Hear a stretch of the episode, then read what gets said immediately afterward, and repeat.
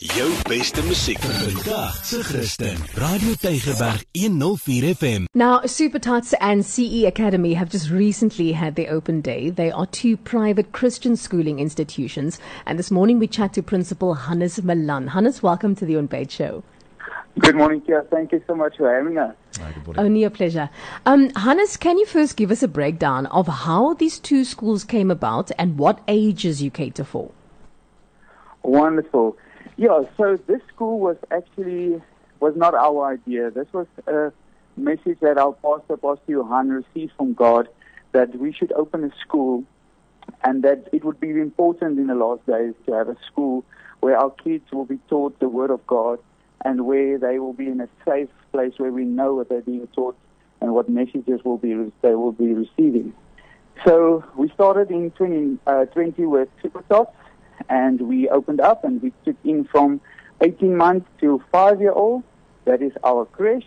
And then in 2021, we opened C Academy where we take from grade R to grade 3 for this year. And next year we will take up to grade 7.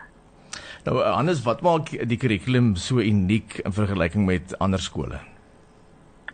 Wat baie belangrik is vir ons is dat dit 'n persoonlike, dit is 'n baie persoonlike kurrikulum. So elke leerder werk in sy eie pas En wat dit veroorsaak is dat wanneer daai leerder op 'n punt kom waar hy miskien onseker is of hy dalk 'n bietjie hulp nodig het, is dit dan vir die onderwyser maklik om by daai kind te gaan sit en dan met daai kind een aan een met ander woorde met hom te werk om te verseker dat hy of sy verseker is met die werk, dat hulle verstaan wat hulle doen en dan van daar af kan hulle weer vorder na die volgende stap toe. So die persoonlike aandag is baie belangrik. Hmm. Ons klasse is klein en met ander woorde, die leerder gaan nooit in 'n posisie kom waar hy nie kan vorder na die volgende punt toe omdat hy onseker is oor sy werk nie.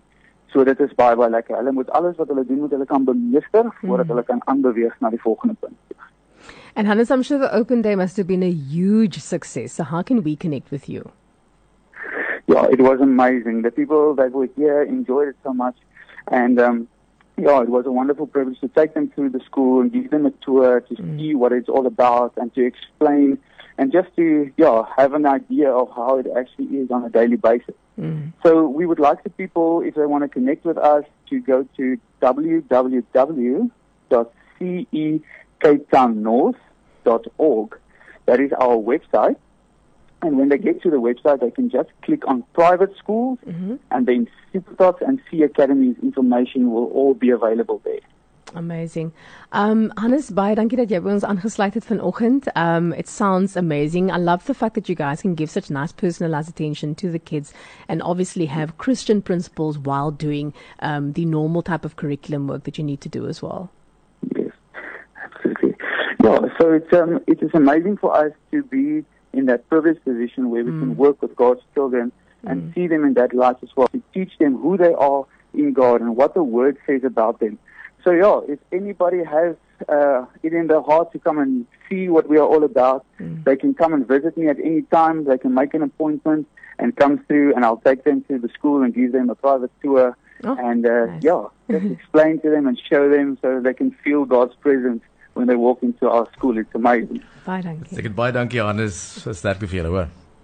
Dankie julle, lekker dag. Jou beste musiek vandag se Christen. Radio Tygerberg 104 FM.